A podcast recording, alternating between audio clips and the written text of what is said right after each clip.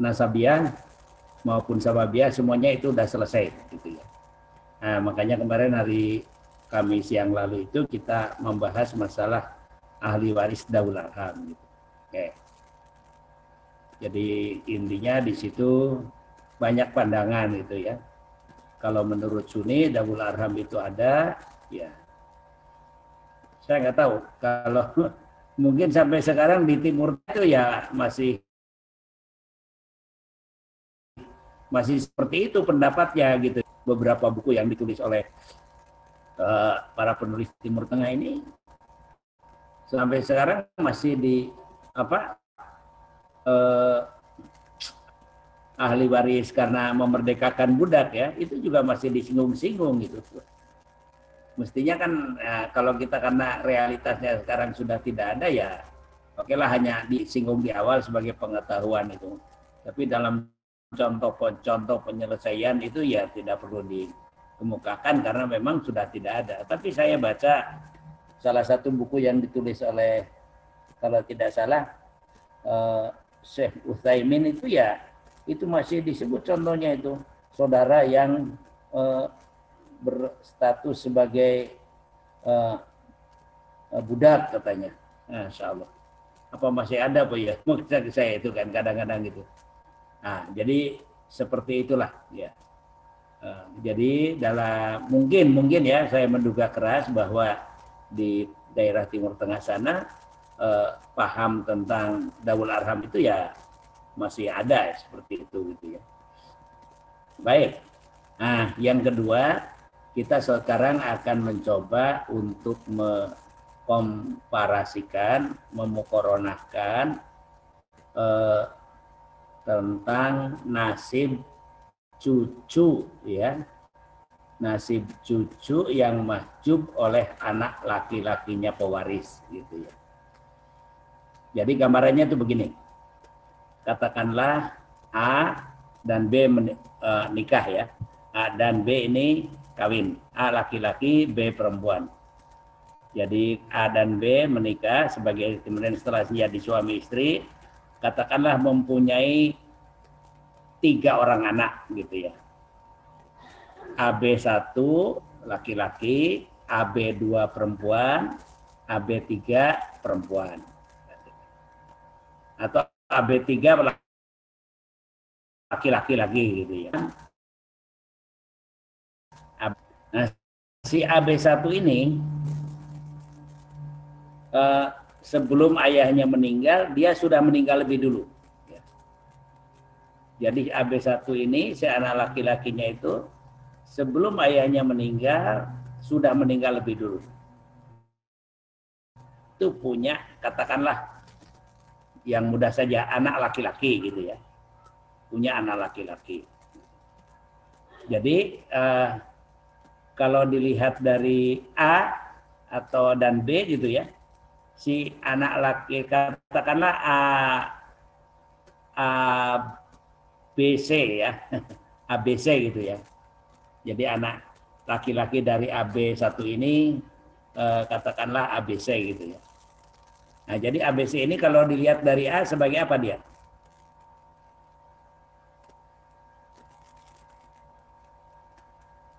Halo? Ya Ustaz masih kedengar, masih didengar suara saya?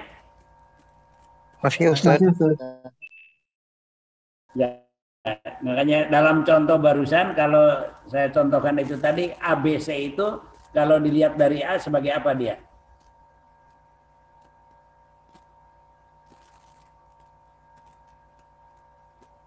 Baik, saya ulangi ya. A laki-laki, B perempuan, A dan B menikah. A dan B ini mempunyai tiga orang anak. Pertama AB satu laki-laki. Yang kedua AB dua perempuan. Yang ketiga AB tiga laki-laki. Si AB satu ini, anaknya yang laki-laki ini meninggal lebih dahulu sebelum orang tuanya meninggal. Tapi AB1 ini mempunyai seorang anak laki-laki, eh, katakanlah ABC gitu ya. Nah, nah, saya tanya tadi, kalau dilihat dari A atau dari B, ini ABC ini apanya A atau apanya B? Cucu. Nah, betul. Cucu laki-laki dari anak laki-laki. Ibnu Ibnin. Kalau dari AB3,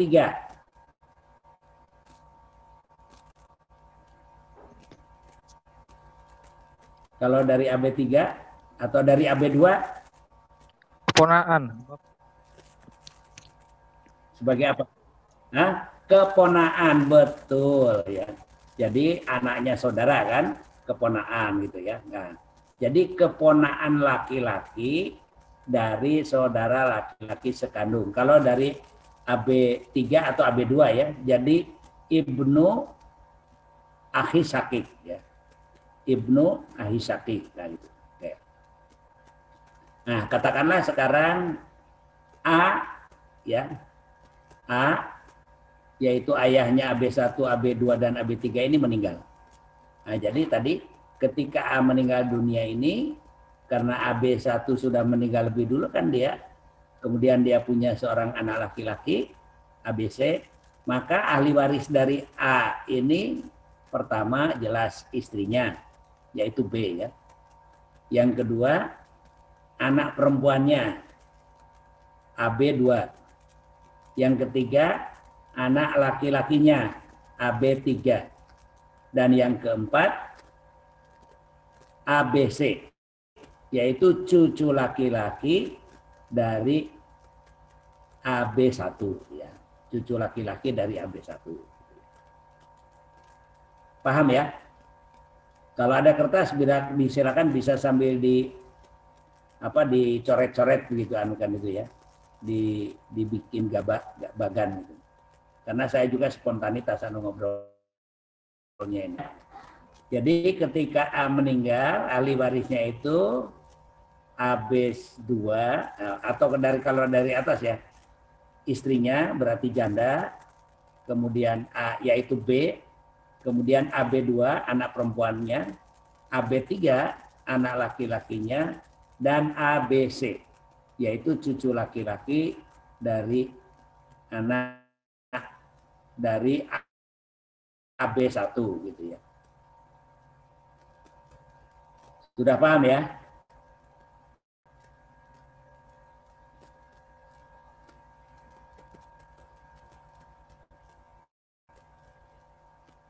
Halo.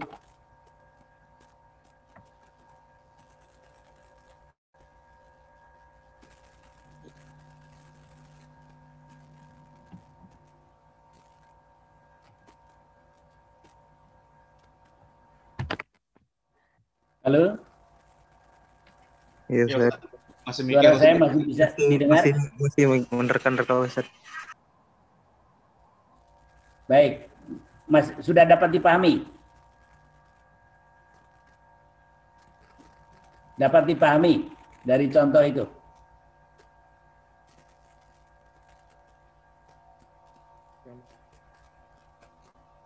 Halo?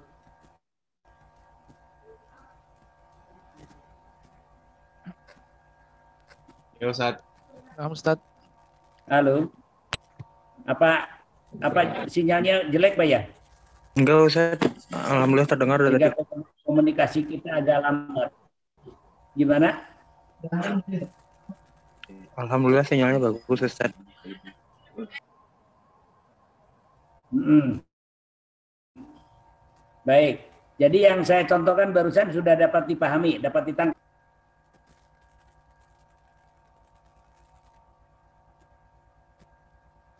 Halo?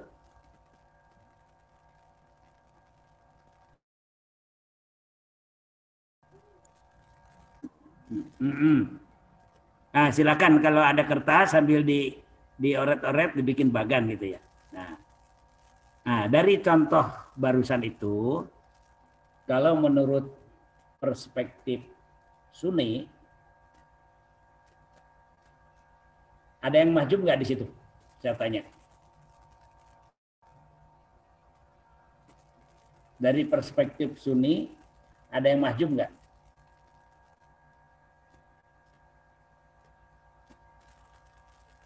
Anak perempuan Ustaz. Loh, mahjub oleh siapa? Kalau anak perempuan AB2 mahjub oleh siapa?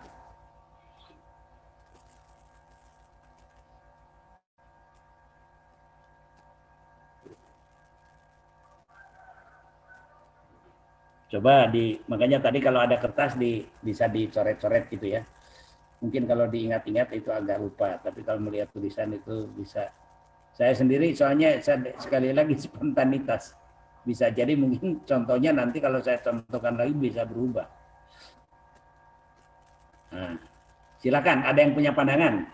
Kalau barusan ya ada yang jawab anak perempuan. Mas siapa barusan? Aiger Ustaz. Eh, Aiger. Iya Ustaz. Nah, masih belum tepat, Aiger. Masih belum tepat. Maju oleh siapa anak perempuan? Yuk, yang lain. Ada nggak yang mahjub di situ? Atau tidak ada? Sekali lagi menurut perspektif Sunni.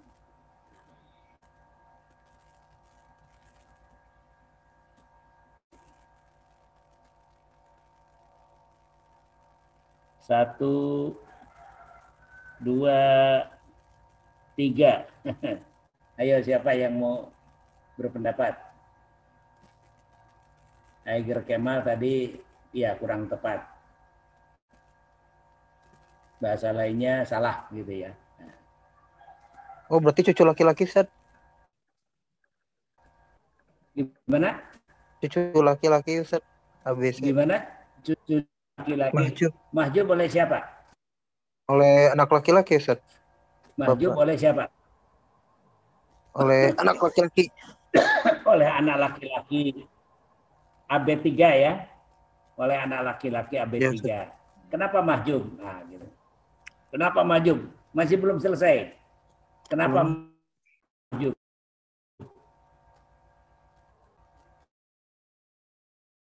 Kalau itu mahjub.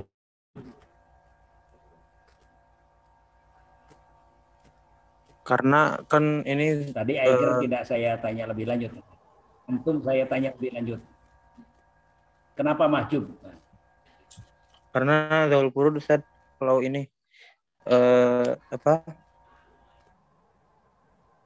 Ya Bapak. Yang anak eh anak laki-laki kan itu Zaul Furud. Kalau cucu ya ini kalau ya ada Bapak kan anak mahjub. laki-laki yang mana?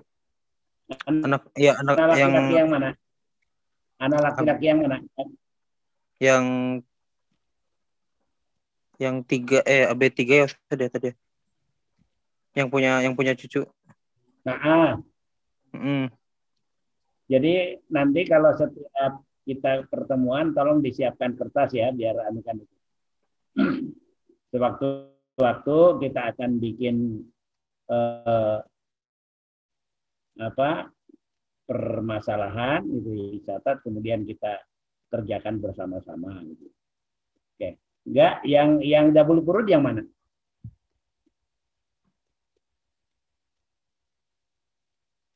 Coba jawabannya diteruskan. Yang double kurut yang mana? Yang anak yang ininya Ustaz apa bapaknya si cucu laki-laki itu anak laki-laki yang AB3 Mm -hmm. Jual perutnya itu. Eh, habis satu ya. Habis satu. Mm -hmm. Loh, terus kok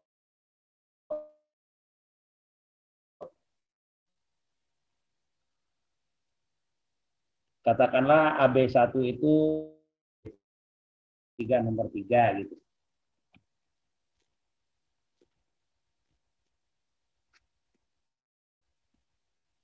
Nah, baik. Jadi tolong semua semua di anu di semua berpikir ya. Nah, itu. Nah, yang betul, yang betul, kalau menurut perspektif Sunni, yang mahjub itu ABC. Ibnu Ibnin. dari AB1. Mahjub oleh siapa? Mahjub oleh AB3, anak laki-lakinya pewaris. Atau kalau si ABC itu mahjub oleh pamannya. Ya, gitu ya. Kan begitu. Kenapa? Ya. Pertama, ya memang sudah satu eh, apa eh, kaidah kalau menurut Sunni itu anak laki-laki itu menghijab semua cucu entah cucu laki-laki entah cucu perempuan. Jadi anak laki-laki itu menghijab semua cucu, entah cucu laki-laki atau cucu perempuan. Kemudian kalau toh itu ini kan kebetulan cucu laki-laki ya. Jadi itu karena sama-sama sebagai asoba gitu ya. Nah, cucu laki-laki dari anak laki-laki asoba, AB3 juga asoba. Jihadnya sama, jihadul bunuwa, tapi yang membedakan apanya? Yang membedakan apanya?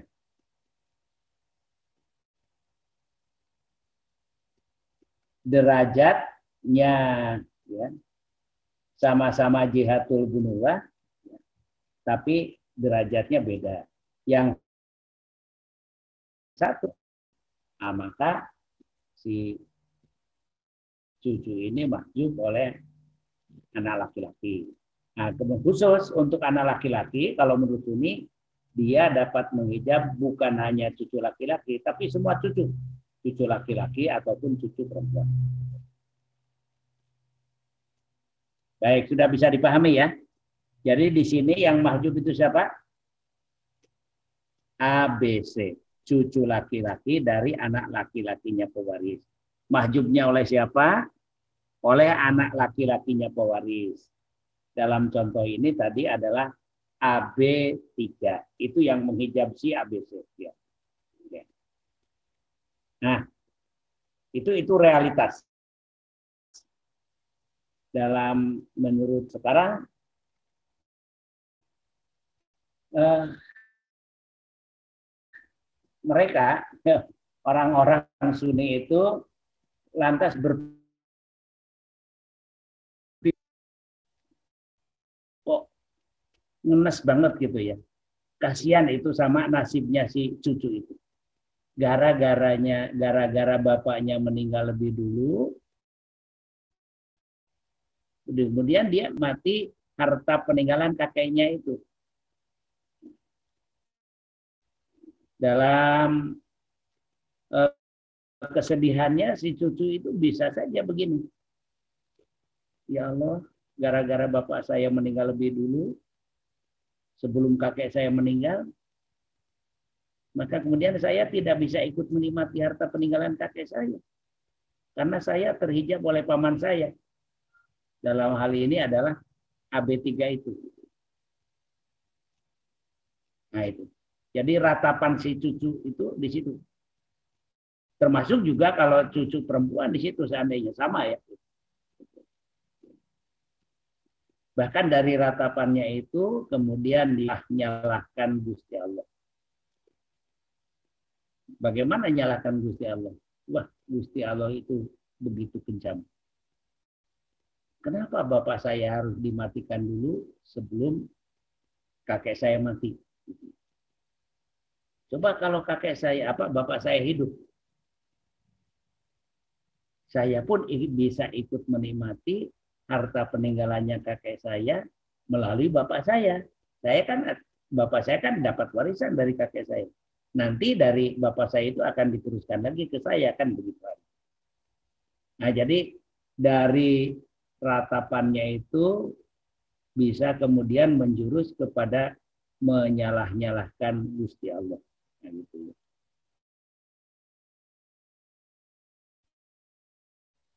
Yang masuk oleh anak laki-lakinya pewaris. Nah, oleh karena itu, nah, dari situ kemudian Sunni berpikir lebih lanjut. untuk mengatasi ke kesedihan si cucu itu yang tadi mahjub oleh pamannya, nah, maka kemudian dicarikan jalan keluarnya. Ya. Dicarikan jalan keluarnya. Bagaimana jalan keluarnya? Nah, itu. Yang kemudian pada akhirnya Sunni menemukan ijtihadnya itu melalui wasiat wajibah. Nah, di mana si cucu ini bisa ikut menikmati melalui wasiat wajibah. Bukan melalui warisan di situ. Bukan melalui pewarisan, tapi melalui wasiat wajibah. Apa itu wasiat wajibah gitu ya? Intinya adalah uh, uh, dalam kasus ini itu uh, menurut Sunni si kakeknya si kakeknya ABC itu sekali harus dinyatakan ada meninggalkan wasiat. Ada meninggalkan atau tidak ada ada siapa yang menyatakan seperti awalnya pengadilan. Maka yang menyatakan bahwa si kakek itu ada meninggalkan wasiat atau tidak harus dinyatakan ada meninggalkan wasiat itu adalah undang-undang. Jadi dalam kasus itu wajib meninggalkan wasiat. Kalau dia tidak meninggalkan wasiat, maka dipandang ada meninggalkan wasiat. Karena itu wajib di situ hukumnya. Ya. Yang mewajibkan sekali lagi adalah undang-undang. Dalam kondisi terakhir undang-undang setelah dibuat, dibuat awalnya ada sehingga si cucu itu tadi yang semula mahjub AB2 AB3 sekarang dia ikut bisa ikut menikmati harta peninggalan kakeknya. Kali lagi bukan melalui pewarisan tetapi melalui wasiat wajibah. Berapa besarnya? Berapa besarnya? Besarannya itu adalah menurut wasiat wajibah itu adalah sebesar kalau orang tuanya itu hidup. Dengan ketentuan tidak boleh melebihi sepertiga. Dengan ketentuan tidak boleh melebihi sepertiga. Kalau melebihi sepertiga dengan apa bagian orang tuanya ternyata melebihi sepertiga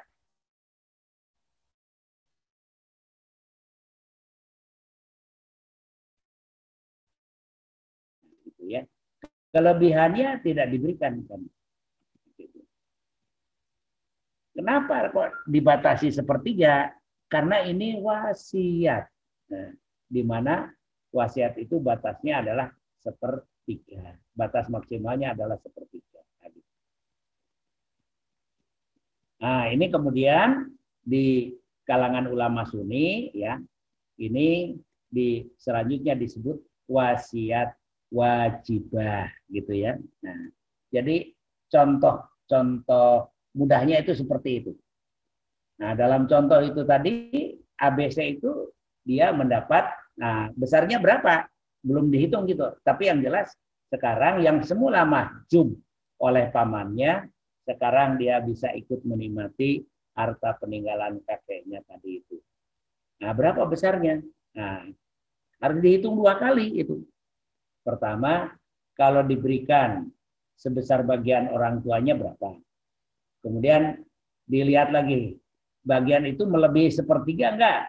Nah, kalau melebihi sepertiga, yang diberikan adalah sepertiga. Baik, saya kira sekilas ini uh, coba uh, kalau di dia diberi bagian sebesar bagian orang tuanya, bagaimana cara menghitungnya?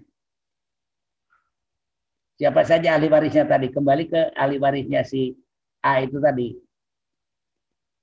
Coba. Siapa aja? Siapa yang masih ingat?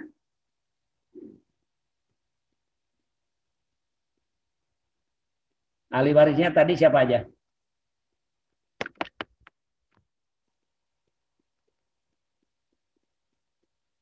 Halo? Ya Ustaz. Ada yang ingat? Ada yang bikin co- coretan-coretan tadi? Tulisan?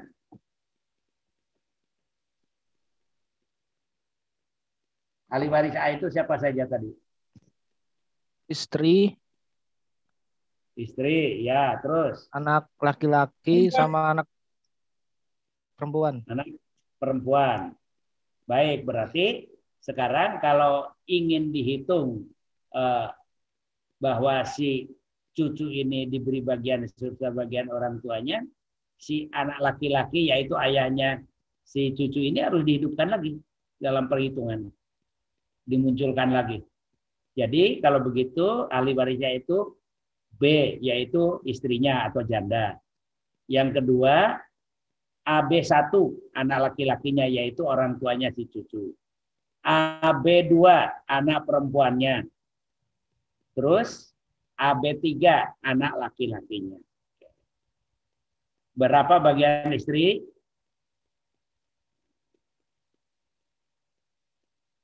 Berapa bagian istri? Bagian janda berapa dalam kasus ini? 8 Ustaz. Berapa? Seperlapan Ustaz. Seperdelapan. Ya baik, Sohi. Toyib. Lantas yang anaknya itu tadi posis posisinya sebagai apa? Asobah Ustaz. Asobah. Lengkapnya asobah Bil. Nah, jadi asobah bil ghair. Jadi berapa bagiannya? Untuk asobah bil ghair berapa? Sisa setelah diambil bagian istri seperdelapan. Jadi sisanya berapa? 7 per 8. 7 per 8. Nah, sekarang 7 per 8 itu harus diberi, dibagi berapa bagian? 2 banding 1. Ustaz. Dua Tiga banding berarti Ustaz. satu, betul. Jadi berapa? Bagi Yap. tiga Ustaz. Kok tiga ah? Masa tiga? Ayo diingat-ingat lagi. AB1 anak AB1 anak apa? Laki-laki atau perempuan? Laki-laki Ustaz. Laki-laki. AB2 Perempuan. perempuan. AB3 Habis tiga perempuan Ustaz. laki-laki. Oh laki-laki berarti dibagi lima Ya, itu kan pamannya, pamannya si ABC. Berarti harus dibagi berapa? Dibagi lima. Nah, betul dibagi lima. Oke, katakanlah eh, apa eh, harta peninggalannya itu 8 hektar gitu ya. Berarti si janda dapat satu hektar, seperdelapan kali delapan satu, delapan dibagi delapan satu. Sisanya 7 hektar. 7 hektar itu harus dibagi lima. Jadi AB1 yang sudah mati itu tadi, ya bapaknya si ABC, dalam perhitungan harus dihidupkan.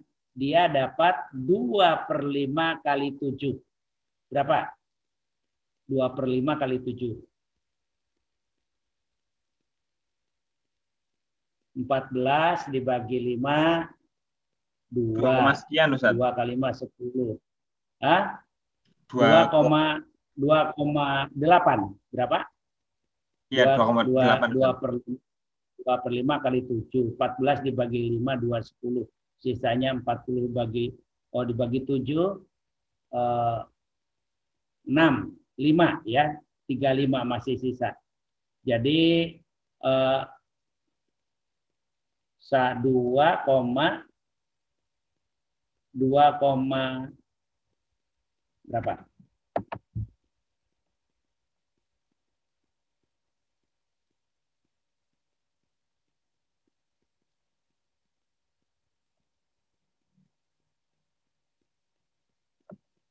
Dua koma delapan ya, dua koma delapan, dua per lima kali tujuh hektar, dua koma delapan.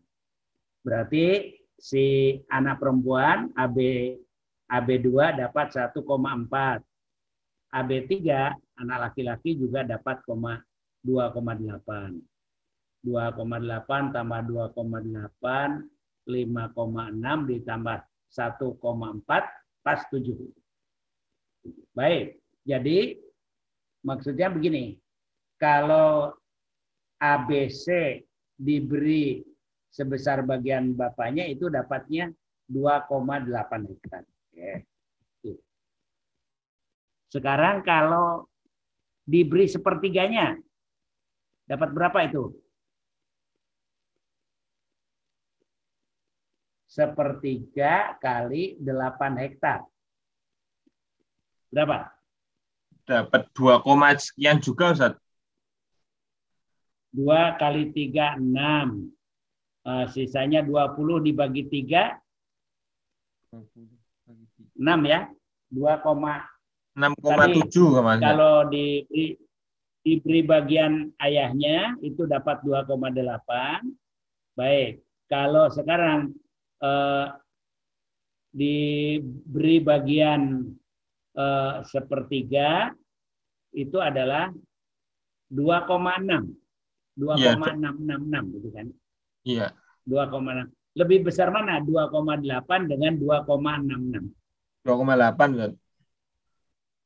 2,8. Nah, jadi begini, karena kalau diberi bagian sebesar bagian orang tuanya itu melebihi sepertiga, maka yang dieksekusi di sini adalah sepertiga yaitu 2,66 gitu loh. Nah itu. Nah, jadi itu cara penyelesaian menurut wasiat wajibah itu seperti itu. Nah, gitu. Kalau pertama itu harus dihitung dulu kalau diberi bagian sebesar bagian orang tuanya, kalau orang tuanya hidup dapat berapa? Lantas dihitung lagi kalau diberi sepertiga berapa? Kalau diberi bagian sebesar bagian orang tuanya tidak melebihi sepertiga, maka yang diberikan adalah sebesar bagian orang tuanya. Jadi seperti ahli waris pengganti gitu. Tapi kalau melebihi maka yang diberikan bukan sebesar bagian orang tuanya, tapi adalah sebesar bagian apa sebesar sepertiga. Nah gitu, ya. Berarti kalau tadi kasusnya 2,6 sama 2,8 yang diambil 2,6 Ustaz. Betul, makanya karena sebab kalau diberikan sebesar bagian orang tuanya melebihi sepertiga, maka kemudian yang dieksekusi, oh kalau begitu yang diberikan kepada si ABC ini adalah 2,6. Nah, gitu ya. Ini diberikan dulu kepada si si ABC itu. Nah, jadi sisanya sisanya berapa? Sisanya 8 dikurangi 2,66 menjadi 5,333 ya. 5,333. Lantas dihitung lagi itu karena wasiat wajibah itu kan wasiat itu harus ditunaikan lebih dulu sebelum pembagian warisan. Nah itu. Nah, maka kemudian sisanya itu tadi 5,33 dibagi di antara janda, kemudian janda berarti sekarang penerimanya lebih kecil. Jadi seperdelapan kali 5,33. Nah, nanti sisanya untuk AB2 dan AB3 dengan ketentuan lidakari mislu adil ung sayain. Jadi begitu anunya itu. Nah, ya.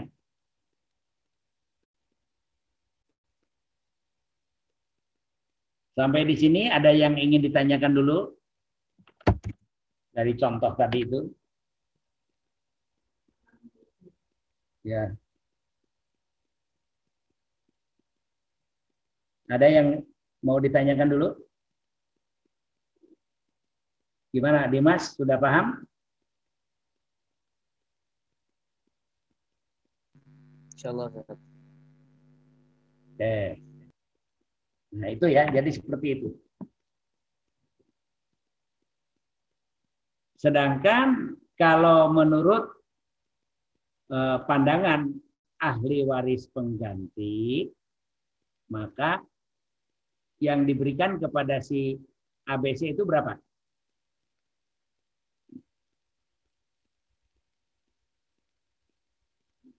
dua koma delapan delapan sama dengan yang diberikan kepada AB AB 3 ya pamannya itu gitu. Karena dalam ke dalam ahli waris pengganti itu adalah si ABC ini dia akan menggantikan posisi ayahnya. Nah, jadi di situ bukan wasiat wajib yang diperoleh oleh ABC itu, tetapi warisan. Dia akan menerima warisan sebesar bagian orang tuanya. Atas dasar apa? Dia sebagai ahli waris pengganti. Nah, gitu ya. Baik, ya. Yang jelas, ya, yang jelas ini kedua kedua pandangan ini sama-sama sebagai hasil ijtihad. Kebetulan di negara kita dalam KHI ya itu adalah yang dipakai adalah ahli waris pengganti, bukan wasiat wajibah. Sebab kalau wasiat wajibah dalam KHI itu digunakan untuk apa? Ada yang ingat? Wasiat wajibah dalam KHI diberikan bukan untuk cucu yang mahjub oleh pamannya, tapi untuk memberi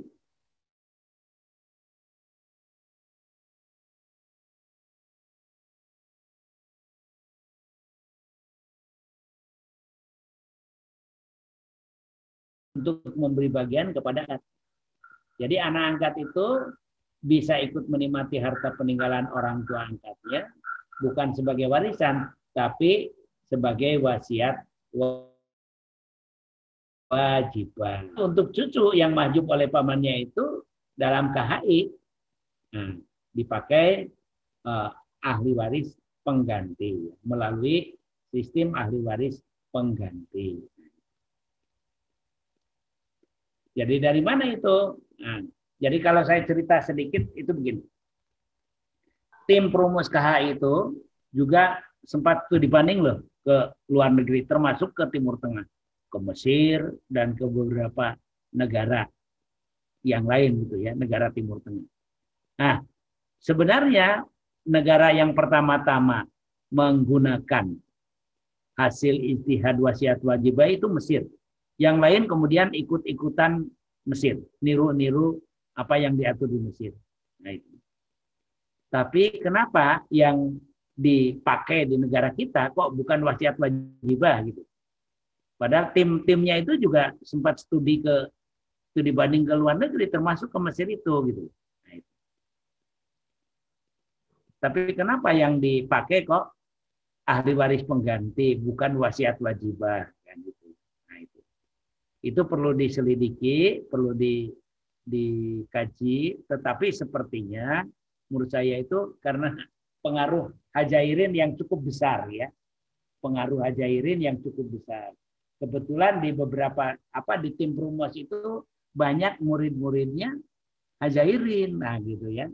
Nah, sehingga mungkin uh, menganggap bahwa lebih uh, apa lebih maslahat atau lebih tepat gitu ya.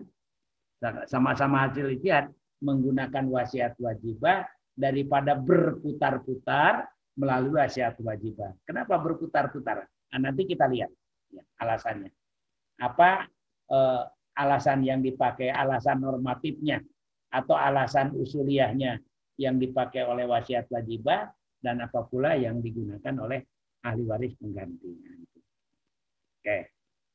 Baik, jadi Nah, maksud saya itu ingin mencoba memokoronahkan dua jalan keluar, ya, dua cara jalan keluar bagi cucu yang mahjub oleh pamannya. Nah, di sebelum adanya wasiat wajibah di Timur Tengah itu ya si cucu itu tadi tidak dapat apa-apa karena dia mahjub oleh pamannya itu gitu ya.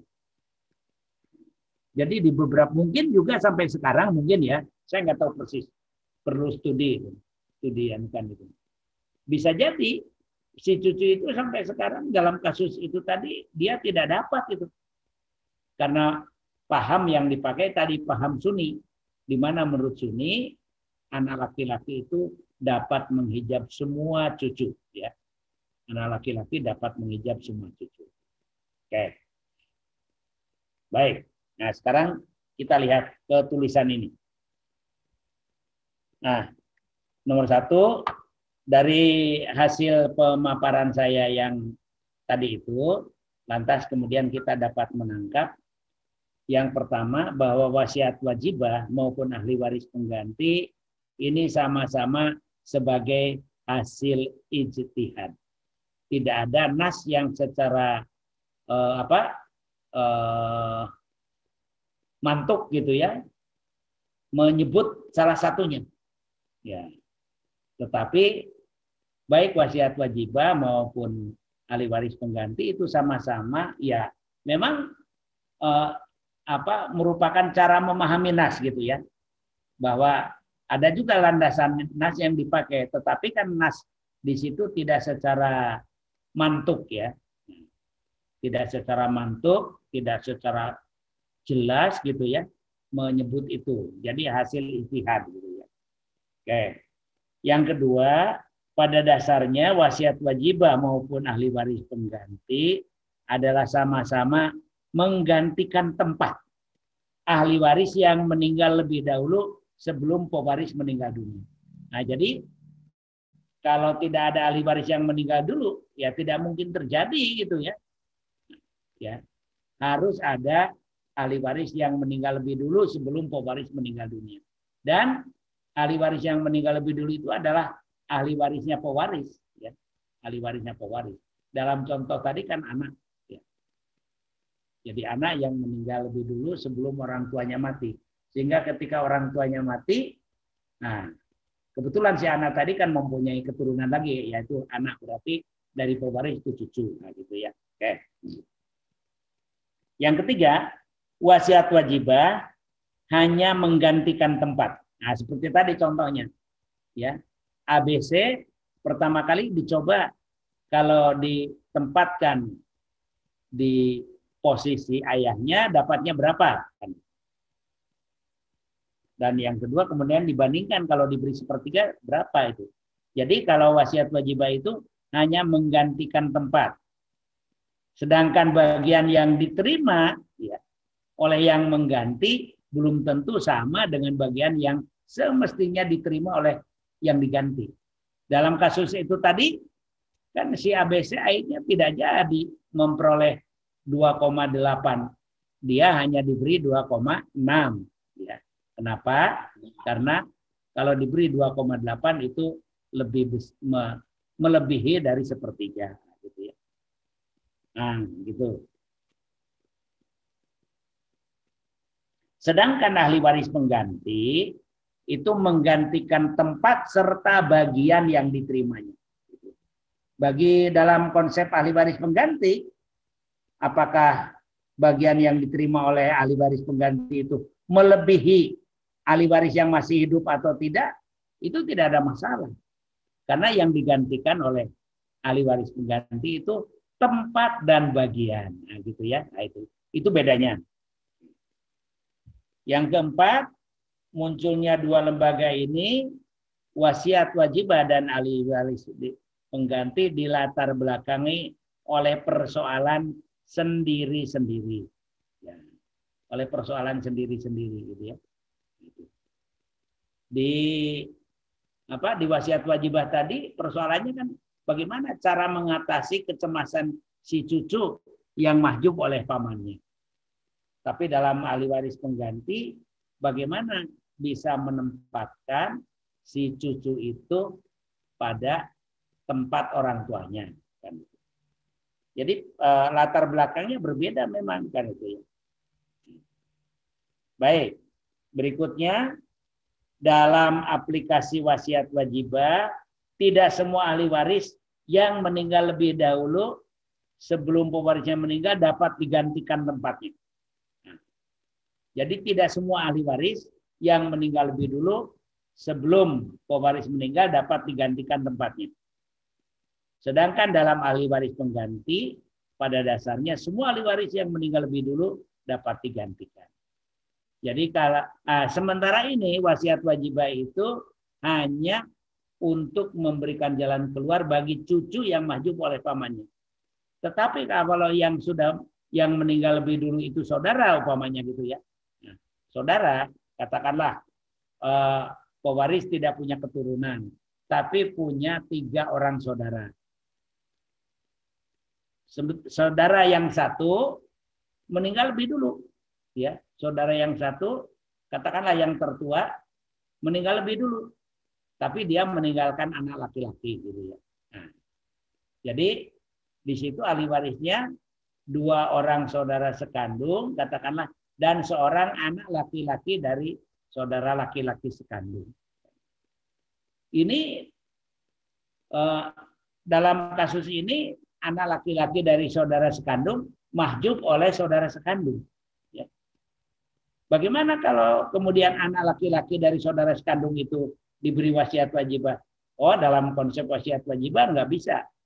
Karena wasiat wajibah ini sampai hari ini gitu ya hanya diberlakukan untuk cucu yang mahjub oleh pamannya, oleh anak laki-lakinya. Tapi kalau dalam konsep ahli waris pengganti, contoh itu tadi, si anak laki-laki dari saudara laki-laki sekandung itu dapat menggantikan ayahnya. Ya. Karena pokoknya siapa yang meninggal lebih dulu, itu dapat digantikan posisinya. Kecuali kalau menurut si A ya, karena menurut si A itu kan uh, si anak anak laki-laki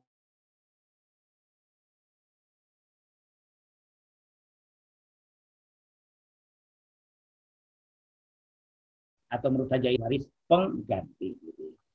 Oke.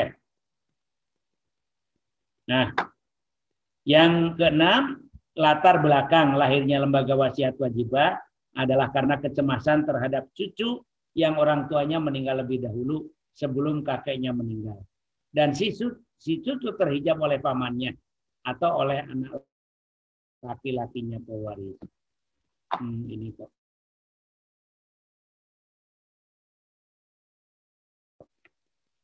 ayahnya atau saudara cucu. Untuk mengobati kecemasan si cucu itu, maka dilakukan istihad dan melahirkan lembaga wasiat wajibah.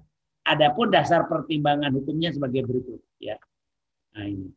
Jadi eh, alasan atau apa metode istihadnya ini seperti ini. Jadi bagaimana penarikannya dari dalil-dalil itu sampai kepada kesimpulan seperti itu. Nah, pertama, pada dasarnya wasiat itu sebuah perbuatan ikhtiariah. Mana suka.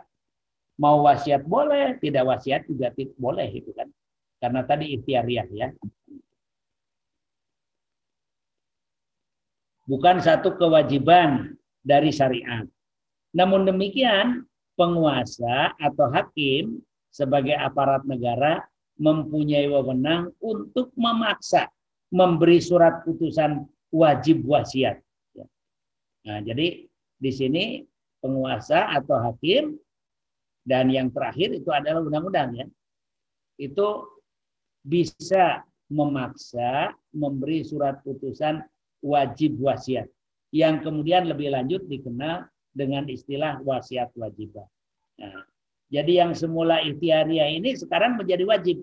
Mau tidak mau harus dibuat. Kalau toh tidak tidak membuat wasiat, itu harus dipandang ada meninggalkan wasiat. Maksudnya gitu, ya. Oke. Oke. Nah, disebut wasiat wajibat yang hukumnya wajib disebab, disebabkan karena pertama hilangnya unsur ikhtiar bagi si pemberi wasiat dan muncul unsur kewajiban melalui perundang-undangan atau keputusan eh, pengadilan tanpa tergantung kepada kerelaan orang yang berwasiat ya. Dan tanpa harus melalui persetujuan dari penerima wasiat. Bisa jadi orangnya itu tidak membuat wasiat udah mati dulu itu kan. Jadi tidak harus ada persetujuan itu seperti itu. Sebenarnya dia tidak membuat wasiat gitu ya. Katakanlah si A tadi si kakek itu tadi. Tapi oleh undang-undang dia harus dipandang ada meninggalkan wasiat. Sehingga wajib di situ dalam kasus seperti itu. Itu yang pertama. Alasan yang kedua, ada kemiripannya dengan ketentuan pembagian warisan dalam hal penerimaan laki-laki mendapat dua kali lipat dari bagian perempuan. Nah, tadi kan eh, AB1 laki-laki, ya, AB2 perempuan, AB3 laki-laki lagi. Sehingga tadi harta peninggalan harus dibagi lima bagian. Tiga, pembatasan penerimaan orang yang diberi wasiat wajibat, yaitu tidak boleh menerima sepertiga bagian, sebagaimana batas minimal wasiat. Jadi kenapa kok namanya wasiat wajibah? Karena di sini di samping uh, memang wasiat, sekalipun dibuat oleh negara, tetapi ada batas maksimalnya. Ya, ada batas maksimalnya itu sepertiga. Dalam wasiat wajibah, ahli waris yang berhak menerima wasiat wajibah terbatas kepada cucu laki-laki atau perempuan, baik dari keturunan anak laki-laki atau keturunan anak perempuan yang orang tuanya mati mendahului kakek atau neneknya. Semula cucu tersebut mahjub oleh anak laki-lakinya pewaris. Karena dalam pandangan ulama sunni, semua cucu apakah cucu laki-laki atau cucu perempuan mahjub oleh anak laki-laki yang berstatus sebagai asoba. Atau cucu itu mahjub oleh dua orang anak perempuan. Dalam Undang-Undang Hukum Wasiat Mesir nomor 71 tahun 46, besarnya wasiat wajibah ini ialah sebesar bagian orang tuanya, sekiranya orang tuanya itu hidup, dengan ketentuan tidak boleh melebihi sepertiga peninggalan dan harus memenuhi dua syarat. Nah, itu. Apa syaratnya? Yang pertama, cucu itu bukan ahli waris yang berhak menerima warisan. Yang kedua, si mati atau kakeknya si cucu atau neneknya si cucu tidak memberikan sesuatu dengan jalan lain. Sebesar penerimaan yang menjadi bagiannya. Umpamanya pernah memberikan hibah atau apa gitu ya. Nah, kalau sudah pernah memberikan hibah, maka wasiat wajibat tidak diberlakukan lagi. Kecuali kalau ternyata dengan hibah itu masih terlalu sedikit gitu ya, maka nanti kekurangannya akan dipenuhi dari wasiat wajibat. Nah, itu. Oke. Landasan hukum wasiat wajibat. Satu, tentang kewajiban berwasiat kepada kerabat yang tidak menerima warisan karena ada penghalang kewarisan atau karena ada ahli waris lain yang lebih utama.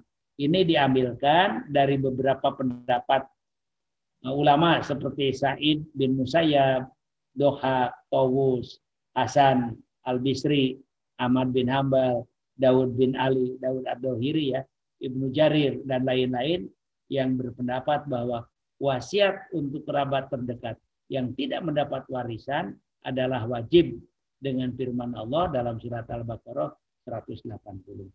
Kutiba alaikum idza hadara ahadakumul maut in taraka wasiyah lil walidain wal akrobin bil ma'ruf haqqan alal mutaqin. Al-Jasos menadasan bahwa ayat tersebut menunjuk kepada wajibnya wasiat buat para keluarga yang tidak mendapat bagian warisan. Kata kutiba dalam ayat itu maknanya furido, yaitu dipardukan. Dan perkataan bil ma'ruf hakwan alal mutakin adalah menurut yang ma'ruf sebagai suatu kewajiban atas segala orang yang takwa. Adalah suatu lafad yang sangat kuat ya, menunjuk kepada wajibnya wasiat. Itu kata Al-Jasos. Menurut Abu Muslim Al-Asbahani, ayat wasiat sama sekali yaitu maksudnya surat Al-Baqarah ayat 180 itu ya. Sama sekali tidak mansuh. Karena tidak ada pertentangan antara ayat wasiat dengan ayat mawaris. Ya. Golongan yang mewajibkan wasiat untuk kerabat-kerabat yang tidak memperoleh warisan berpendapat bahwa ayat wasiat tidak mansuh, tetap berlaku sampai sekarang untuk kerabat yang tidak mendapat warisan karena ada suatu penghalang pewarisan atau ada orang yang lebih utama dari mereka. Oleh karena itu wajib dibuat wasiat untuk mereka dengan nas wasiat. Sedangkan untuk kerabat yang mendapat warisan digunakan ayat-ayat kewarisan, nah, gitu ya. Jadi umpamanya kalau ada istrinya yang non Muslim, nah, secara kewarisan kan dia mahjub itu, apa? Mamnu ya, mahrum, terhalang karena berbeda agama. Nah, maka dalam kondisi seperti itu, itu bisa saja kemudian si suaminya itu membuat wasiat. Membuat wasiat untuk si istrinya yang non muslim itu tadi gitu ya. Mau intinya memberikan bagian tertentu ya, kepada istrinya itu. Itu boleh itu. Atau memberi hibah dulu gitu ya. Nah sedangkan bagi ahli waris yang memang merupakan ahli waris tidak terhalang itu dipergunakan ayat-ayat wasi warisan. Nah gitu. Oke. Kedua, penghususan kerabat yang tidak menerima warisan kepada cucu-cucu dan pembatasan penerimaan kepada sebesar sepertiga pening, sepertiga peninggalan adalah didasarkan kepada pendapat Ibnu Ambal ini ya dan berdasarkan koida ini. Nah, ini. Nah, jadi ah ini ada satu koida ya.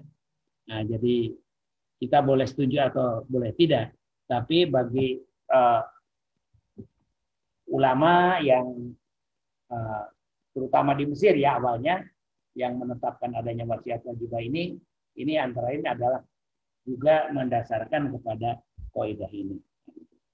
Oke. Oke. Ini contoh wasiat wajibah. Ahli warisnya ayah, ibu, dua orang anak perempuan, satu orang cucu perempuan dari anak laki-laki yang sudah lebih dulu meninggal. Yang sudah meninggal lebih dulunya siapa? Anaknya ayah ibu, Zat.